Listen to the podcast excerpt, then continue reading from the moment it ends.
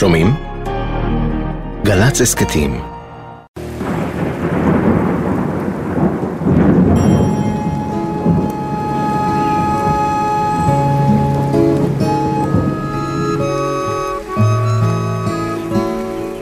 אורית עיר שאהבה לצייר. בניירות הציור שלה אפשר לראות איך שרטטה בעפרונות דקים את הסתיו. איך ציירה את האביב בצבעי פסטל, איך צבעה את השמש. דווקא היום שבו נהרגה היה יום חורפי.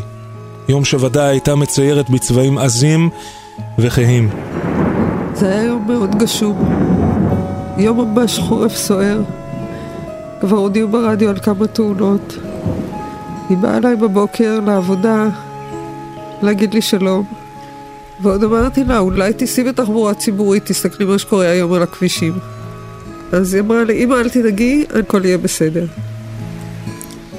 נתתי לה חמה, אמרתי לה נסיעה טובה, והתחלתי לדאוג.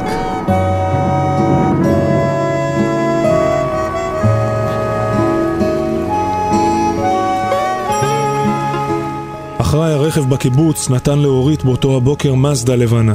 ב-12 יצאה נרגשת מהבית במעגן מיכאל אל תל השומר, שם אמורה הייתה לקבל את דרגות הסגן שלה. לא רחוק מהבית, ליד צומת השרון, נהרגה.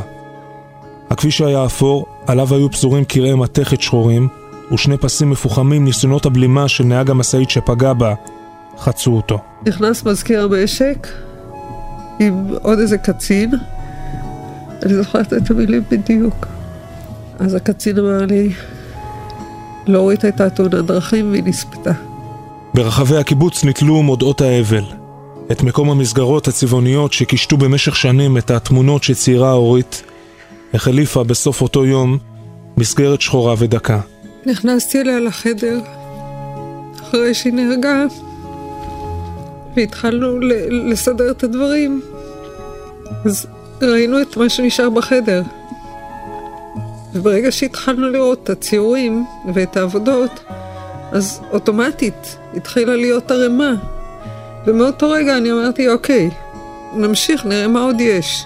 ערימת הציורים שמצאו ברוריה ובני ההורים בחדר של אורית כללה בסך הכל עשר תמונות. הם ידעו שעוד עשרות ציורים פזורים אצל בני משפחה, או בבתים של חברים, או אצל מורים שלה, או אצל נערים שהתאהבה בהם. היו כאלה שנתנו ברצון, היו כאלה שידעו שאנחנו אוספים אז הציעו מבלי שידענו בכלל שיש אצלה משהו. היו כאלה שניסו להגיד שהם היו רוצים לשמור, ואני בכל זאת אמרתי שזה מה שנשאר לנו מאורית. באחד הימים כשנכנסו לחדרה קראו את היומן האישי שלה, ושם מצאו רמז נוסף. אורית סיפרה שם על ההפלגה שאליה יצאה יחד עם כל שכבת י"ב בקיבוץ לאחר שסיימו את בחינות הבגרות. היא יצאה עם הכיתה, יצאו להפלגה באיי יוון. ומכיוון שהיא כל הזמן צעירה, אז אה, בעל היאכטה ראה שהיא מציירת והביא לה מתנת צבעים. כתמורה ותודה למה שהוא נתן לה, אז היא השאירה לו ארבעה ציורים. לא ידענו על זה בכלל. לבני ולברוריה היה ברור שיעשו הכל כדי לקבל את הציורים. מבחינתם ארבע התמונות ביוון היו חלק מאורית שיכול לחזור עליהם אם רק יתמזל להם מזלם. בערב הזמינו עליהם חברת קיבוץ, דוברת יוונית, וביקשו שתטלפן אל בעל הספינה. היא התחילה את השיחה, דיברה, סיפרה את הסיפור. אחר כך בני לקח את הטלפון והמשיך ואמר שאנחנו היינו רוצים אה, להגיע כדי אה, לקבל את התמונות. בעל הספינה זכר היטב את אורית, אבל כשהבין שההורים מבקשים את התמונות בחזרה, הוא השתתק. ניסה להסביר שהוא לא זוכר היכן הניח אותן, שייקח לו זמן רב למצוא אותן.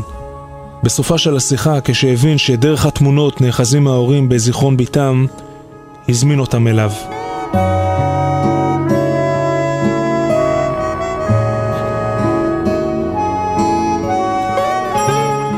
כמה חודשים לאחר שנהרגה יצאו ברוריה ובני לפגישה המוזרה ביוון. הם קיבלו לידם ארבע תמונות שהשלימו את פיסת הזיכרון.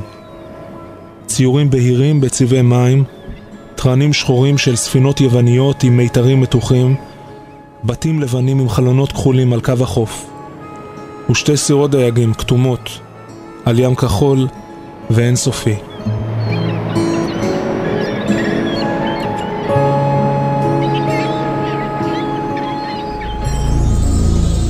סגן אורית הירש מקיבוץ מעגן מיכאל, קצינה במשטרה הצבאית. נהרגה בתאונת דרכים בדרכה לטקס קבלת דרגות הסגן שלה במחנה תל השומר ב-4 בינואר 1995. בת 20 במותה. הובאה למנוחת עולמים בבית העלמין בקיבוצה. לאחר מותה של אורית נמצאו בין חפציה ציורים שציירה ושירים שכתבה. מתוכם בחרה הזמרת מיקה קרני לבצע את השיר "יש מקום".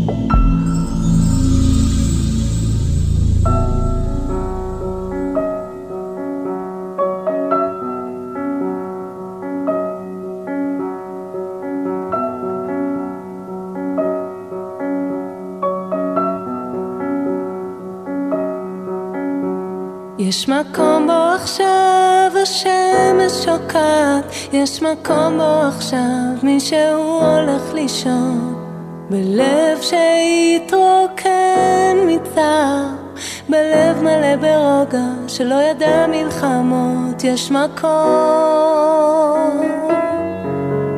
יש מקום, יש מקום. יש מקום, יש מקום בו עכשיו השמש יורדת, יש מקום בו עכשיו אנשים מטיילים על החוף, בלב שהתרוקן